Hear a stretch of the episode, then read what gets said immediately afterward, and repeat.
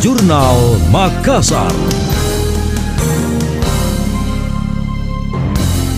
Saya Emil Faris dalam Jurnal Makassar. Perekonomian Sulawesi Selatan sepanjang tahun lalu secara kumulatif berhasil tumbuh positif mencapai 4,65 persen. Angka ini lebih baik dibandingkan 2020 yang mengalami kontraksi. Kepala BPS Sulsel Suntono menyebut dari sisi produksi, pertumbuhan tertinggi terjadi pada kategori pengadaan listrik dan gas sebesar hampir 11 persen. Sedangkan dari sisi pengeluaran, pertumbuhan tertinggi ada pada komponen ekspor barang dan jasa sebesar 16,57 persen. Dengan demikian, Sulawesi Selatan menempati urut urutan ketujuh provinsi dengan peningkatan ekonomi tertinggi di Indonesia tahun 2020 tepatnya triwulan 4 itu ekonomi yang terbentuk atau nilai tambah yang terbentuk atas dasar harga berlaku mencapai 81,99 triliun rupiah.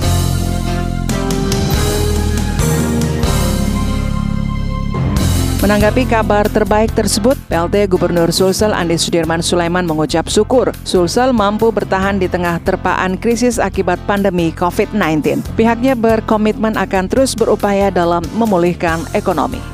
Anda masih mendengarkan Jurnal Makassar dari Radio Smart FM.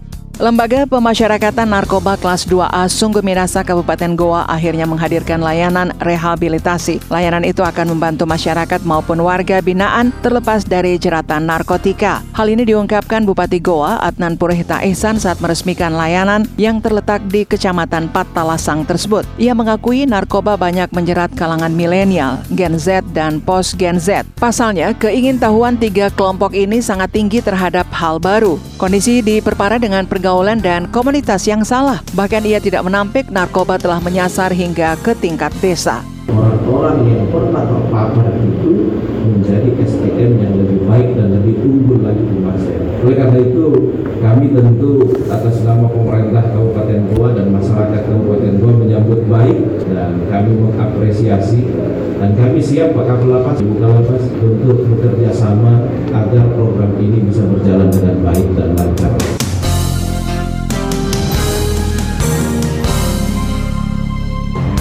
Sementara Kepala Lapas Narkotika Kelas 2A Sungguh Minasa Andi Muhammad Syarif mengatakan, khusus di tahun ini pihaknya mengikutkan 440 warga binaan untuk mengikuti layanan tersebut. Mereka dibagi dalam dua gelombang, masing-masing beranggota 220 orang.